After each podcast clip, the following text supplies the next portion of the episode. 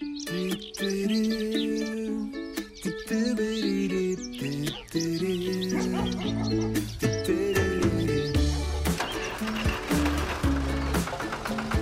setve do žetve. Oddaja o kmetijstvu programov Radia Slovenija. Od setve do žetve. Spoštovane poslušalke in cenjeni poslušalci, lepo vas pozdravljam v zadnji letošnji septembrski oddaji, v kateri bomo predstavili 12. konferenco Evropskega združenja kmečkih in obrtnih sirarjev, se soočili škodo, ki jih zveri povzročajo med drobnico na Idrijsko-Crkljanskem in obiskali kamp Beli Gaber na robu vasi Vrh v Loški dolini. Tisti, ki te dni žanjete koruzo, ste zagotovo razočarani nad pridelkom, ki ste ga zdesetkali vročina in suša. Reci pa se seveda sprašujete, kako in s čim boste nakrmili živino. Trgači grozdja ste tudi še v vinogradih, zelo zgodaj pa se leto začenja ubiranje olk. Od setve do žetve. Iz tradicije podeželja. Združenje kmečkih sirarjev Slovenije bo prihodnjo soboto, 1. oktober, v Sloveniji organiziralo 12. konferenco Evropskega združenja kmečkih in obrtnih sirarjev FACE. Ta mreža združuje sirarje iz 15 evropskih držav, tudi slovenske kmečke sirarje. Osrednja tema letošnje konference bodo planinski siri, ki so srčika slovenskega sirarstva. Ti so tisti, ki so ohranili tradicionalne postopke in metode sirjenja v Sloveniji, pravi Irena Urešnik, podpredsednica Evropskega združenja FACE, prva predsednica Združenja kmečkih sirarjev Slovenije in znana sirarka iz Šentjošta pri Horjulu. Z njo se je pogovarjala Irneka Drolec, ki je najprej želela pojasnilo, v čem se planinski siri razlikujejo od vseh ostalih sirov. Dobr dan, hvala za povabilo. V Sloveniji so siri na planinah narejeni iz surovega mleka, kar samo po sebi eh, pomeni, da je okus sira in njegova um, vrednost, um, bom rekla, za telo drugačna od sira iz pasteriziranega mleka. Naš namen je, da v okviru te konference izmenjamo uh, dobre prakse na tem področju in naredimo še nekaj korakov naprej na tem področju. No, koliko pa pride iz Evrope različnih sirarjev ali pa vsaj iz katerih držav pridejo? Vemo, da v Sloveniji je nekaj teh planinskih eh, siraren. Kaj si boste pogledali? Za enkrat je prijavljenih preko 100 sirarjev iz vse Evrope. Poleg tega še slovenski sirari, tako da nas bo res velika skupina, približno 150. Eh, v okviru programa eh, konference imamo dva dni pravzaprav ogleda teh dobrih praks, kjer bomo poskušali pokazati v Sloveniji, kaj imamo na področju planinskih sirov.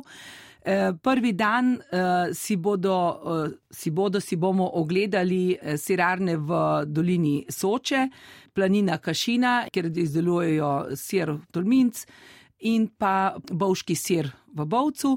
Naslednji dan pa si bomo ogledali sirarstvo na Bohinskem, prav tako eno planino in še dve sirarni. Vi ste bili tudi prva predsednica Združenja kmečkih sirarjev Slovenije. Kako ocenjujete eh, razvoj od samega eh, vašega začetka tega združenja do danes, kaj vse se je izboljšalo? Izboljšalo se je marsikaj. Tisto, kar je vidno, eh, bom rekel, tudi na ozvenje, da se je kmečko sirarstvo izjemno razširilo. Danes ocenjujemo, da je v Sloveniji najmanj 400 kmečkih siraren, kar je izjemno število tudi v evropskem merilu na tako mehnem področju. Po drugi strani so se tudi do neke mere uredili pogoji za delo, vendar pa imamo še marsikaj narediti tako na področju uh, kvalitete, na področju ohranjanja tradicionalnih metod, tradicionalnih materijalov pri predelavi uh, in predvsem si želimo, da bi še več sirarjev imelo pogum in znanje za predelavo uh, surovega mleka.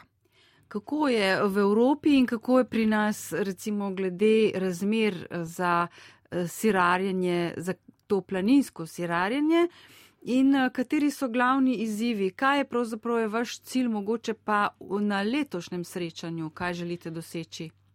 Um, torej, stvari so različno urejene eh, po državah. V Sloveniji um, je Eh, bom rekla, na nek način deloma urejeno planinsko sirarne. Torej, planinske sirarne imajo glede na pogoje, ki niso enaki kot v dolini, neke, bom rekla, odpustke, vendar žal te odpustki uh, um, so povezani potem z omejitvami pri trženju. Namreč eh, danes planinske sire v Sloveniji lahko dobite le tako, da se, da se povspnete na planino.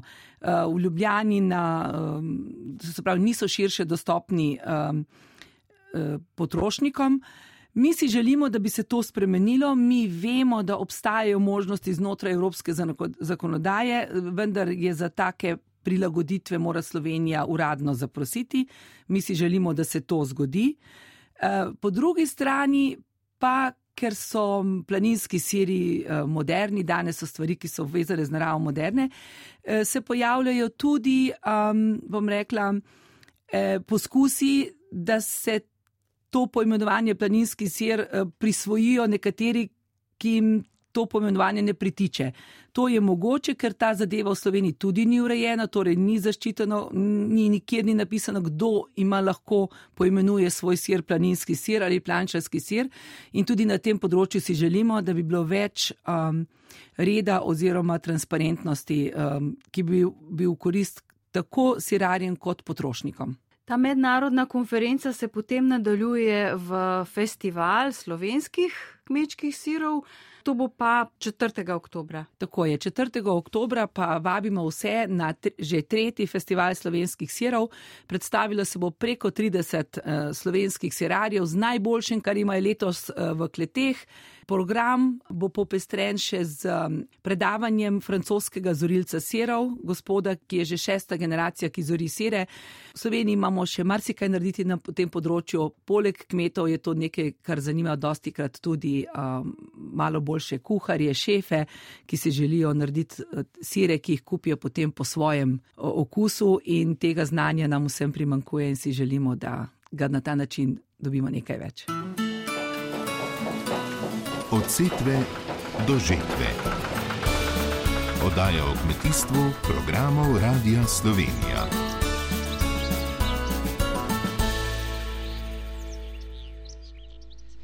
Razmere zaradi napadov zveri na drobnico se na Idrijsko-Crkljanskem umirjajo. Največ težav je bilo leta 2019.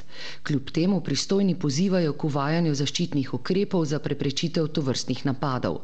Društvo rejcev drobnice Idrija Cerkno je nedavno pripravilo dogodek, na katerem so predstavili primere dobrih praks varovanja. Kot najboljša se izkazuje kombinacija visokih električnih ograj in pastirskih psov, a so rejci drobnice izrazili tudi pomisleke. Prispevek Nine Brus. Število napadov zveri, predvsem volkov, na drobnico se na Idrijsko-Cerkljanskem umirja, je potrdil predsednik Društva rejcev drobnice Idrija Cerkno Jure Podobnik. V zadnjih dveh letih so se te napade malce umirili, saj toliko, kar se je seznanjen oziroma kar je odziva rejcev. Največji napadi so bili takrat leta 2019, zdaj pa k sreči, no, zadnje dve leti pa se je to še precej umirilo. Upamo, no, da bo to tako tudi vnaprej. Dogodek v ledinah nad spodnjo Idrijo je bil izobraževalne narave. Tomaš Berce iz Zavoda za gozdove je povedal, da je najboljši preventivni ukrep kombinacija visoke električne mreže in pastirskih psov predvsem zato, ker je elektrika, električna ograja tukaj gre za tisto prvo bojno linijo, ki zadrži zveri stran od pašnika, naloga pastirskih psov pa je tista, da odganja zveri z območja črede oziroma kjer so naše pašne živali. Zavod za gozdove je v okviru več projektov rejcem drobnice v pomoč doslej razdelil 26 pastirskih psov. Različnih pasem, od tornjakov, kraških ovčarjev, kavkaških ovčarjev in šarplanincev. Od tega smo največ razdelili tornekov in vsi psi no, so se zaenkrat pokazali kot učinkoviti. Omenjene pasme pastirskih psov so tudi predstavili.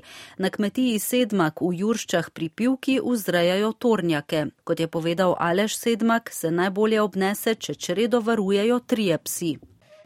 Pri nas delujejo tornjaki in zaenkrat lahko rečem, da psi delujejo vrhunsko. Škot nimamo, čreda je neokrnjena, priraste imamo normalne, jagnjeta imamo, knapašniki, ki se se rojevalijo, nimamo izgub. Tako da ja, lahko dan srečen, da se tornjak odlično obnese in znajde. Zelo dober pastirski pes je tudi kraški ovčar, je potrdil predsednik kluba kraških ovčarjev in avtor knjige Sinovi burje Blaš Vehovar. Kraški ovčar se izjemno znajde tudi na pašnikih kot varuh drobnice, verjetno najbolj na, v našem okolju, ker je avtohton. Se pravi, ravno prav velik, ravno prav, bom rekel, oster, da je odličen branilec, hkrati pa izjemen sopotnik, tovariš človeka. Uh, to izvira že iz zgodovine, ker je bil kraški ovčar, naša paša na slovenskem območju, na Krasu, je bila tako imenovana transhumanca, selitvena paša, eh, kraški ovčar pa je spremljal pasterja in črede, manjše črede ovac oziroma drobnice. In zato je kraški ovčar ohranil zelo lep značaj. Torej, na eni strani je zelo navezan na svojega gospodarja, po drugi strani pa zaščitnik svoje družine, v kar sodijo tudi ovčke in kozice. S tem se strinja tudi vzreditelj kraških ovčarjev Emil Pižmoht, ki je s psičko Tami nastopil v dokumentarnem filmu Sinovi burje. Mimo mojega ranča je šel celo ta, ta znani volk Slavca, ne, ki je posneje imel v Italiji družino. Ampak jaz napadal, pač nisem imel, ker je kraška ovčarka, pa imam še eno border koliko, pa kavkaško ovčarko so vse to obranile. Je pa bil en primer, ko je kraška ovčarka se spoprijela s tremi šakali v gozdu. Ni bila rajnena, imela je koloratu ti spasi s špicami, imela je le par praskic po nosu, ampak šakalov ni bilo več, jih je prehnala. Kljub vsem prednostim pa se med rejci drobnice porajajo tudi pomisleki do pastirskih psov. Ti namreč predstavljajo dodatno delo in strošek. In kdo nosi odgovornost, če pes na pašniku napade mimoidočega pohodnika, Tomaš Berce iz Zavoda za gozdove je pojasnil. V bistvu so posedani uh, spremembi uh, zakonodaje pastirski psi izenačeni z statusom policijskih in vojaških psov, kar pomeni, da se v primeru nekega konflikta s pastirskim psom na pašniku upoštevajo tudi okoliščine, kako je prišlo do, napad, do tega konflikta in ali je rejc recimo poskrbel za to, da, je, da so psi res za električno ograjo, ali so bile opozorilne table, da je ta ograja pod napetostjo, da so pastirski psi, ki čuvajo čredo in tako naprej. Se pravi, kaj vse se je postorilo predtem, da do tega dogodka ne bi prišlo. V društvu rejcev drobnice Idrija Cerkno so še povdarili, da bo treba problematiko zveri urejati na državni ravni. Od setve do žetve. Na obisku. V tokratni oddaji od setve do žetve bomo spoznali še kamp Beli Gabr na robu vasi Vrh v Loški dolini. Z možem Benom ga je na domačiji njenih staršev uredila Mateja Peček, od konca letošnje pomladi, ko sta ga odprla, pa so ga že obiskali številni ljubitelji miru in neokrnjene narave iz domovine in tujine. Kamp je ravno prav oddaljen od vasi, da se v njem počutite, kot da ste nastanjeni sredi gozda. Na kmetijskem zemljišču, ki je bilo zaradi strmega pobočja prej skoraj neuporabno, se v terasah urejeni prostori za postavitev šotorov, osrednja stavba pa je kozolec, kjer so tudi prenočišča na običajnih posteljah ali pa kar na senu. Spode je prostor za druženje z opremljeno letno kuhinjo. Kamp, ki so ga lepo sprejeli tudi sovaščani, je obiskal Marko Škrl. Že sama zamisel za ureditev kampa na kmetijskem zemljišču je bila kar drzna, prav tako njena uresničitev, pravi lasnica domačije Mataja Peček. Ja, ta pot uh, je bila res kar trnova, pa je ne parkrat mes smo, uh, predvsem jaz sem kar obupala, no, da, da to pa res ne bo šlo, ker je bilo preveč stvari, uh, ki so se zatikale. Ampak um, nekako tako je šlo. Najprej sprememba, najprej ideja. No. Ideja je bila taka, da um, res tle je bilo težko oziroma nevarno pol ta strojna košna na roke, pa zdaj kositi uh, se pač ne da. Uh, parcela je bila očetova in pol sem se pač odločil, da jo, da jo podarim meni, da ne pač naredim s tem, kar hočem.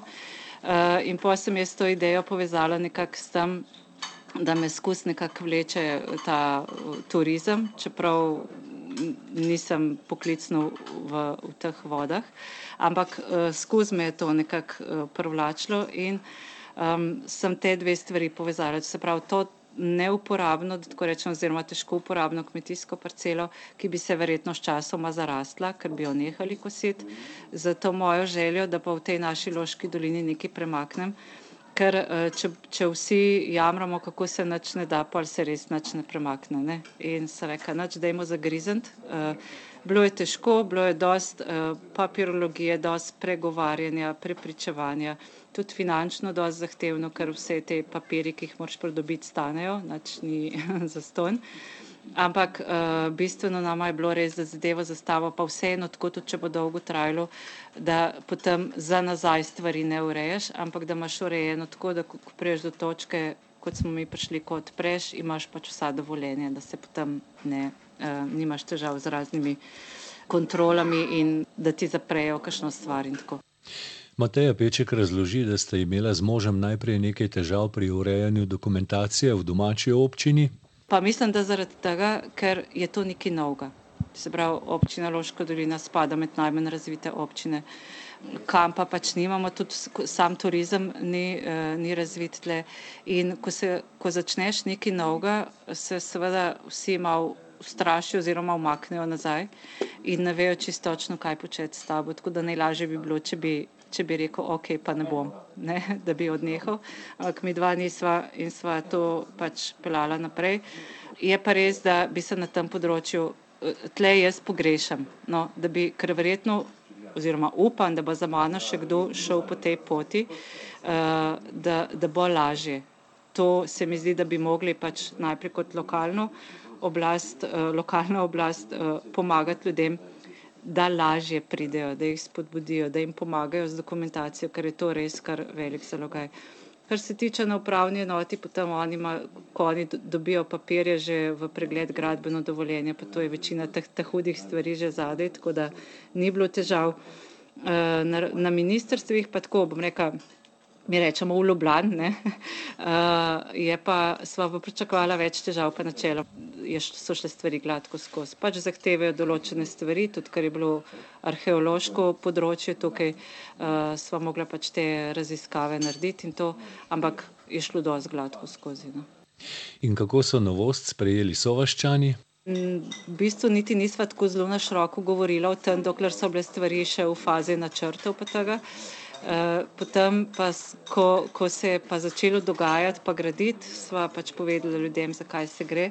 In uh, bistveno se mi zdi takrat, ko smo imeli ta, ta prvi dogodek, ta ekstempore, ko je bil tisti eh, petek, um, ko se je to začelo, sva uh, povabila vse vaščane. Pač vas je tle relativno blizu, ne čist, ni tako blizu, da bi, bila, da bi bil kamp moteč za vas, ampak vseeno, uh, vse te goste, ki se pripeljajo, se pripeljajo skozi vas. Um, in, in to je za neko vas, kjer se opazi vsak avto, ne pa točno vidiš, če je registracija, ne da ne paše v, v, v tja.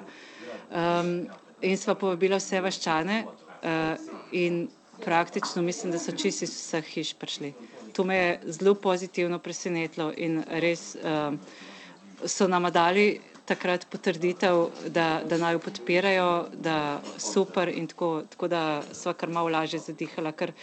Najtežje se mi zdi, če, imaš, če nimaš urejenih stvari z domačini, so vaščani, ker kot prvo mi v vasi živimo. Uh, ne bi bilo fajn, če ne bi imeli poštimano. Kot drugo pa ljudje, ki pridejo sem, se morajo počutiti sprejete. Ne? Eh, tudi za strani, ko se pele ali pa sprehodijo čez vas. Ne. Mateja Peček pa se ob tem želi, da bi v svojo ponudbo še močneje vključila pridelovalce hrane in drugih domačih dobrot, tako iz vasi kot iz vse Loške doline, saj je bilo zanimanje obiskovalcev kampa za lokalne posebnosti že to poletje zelo veliko.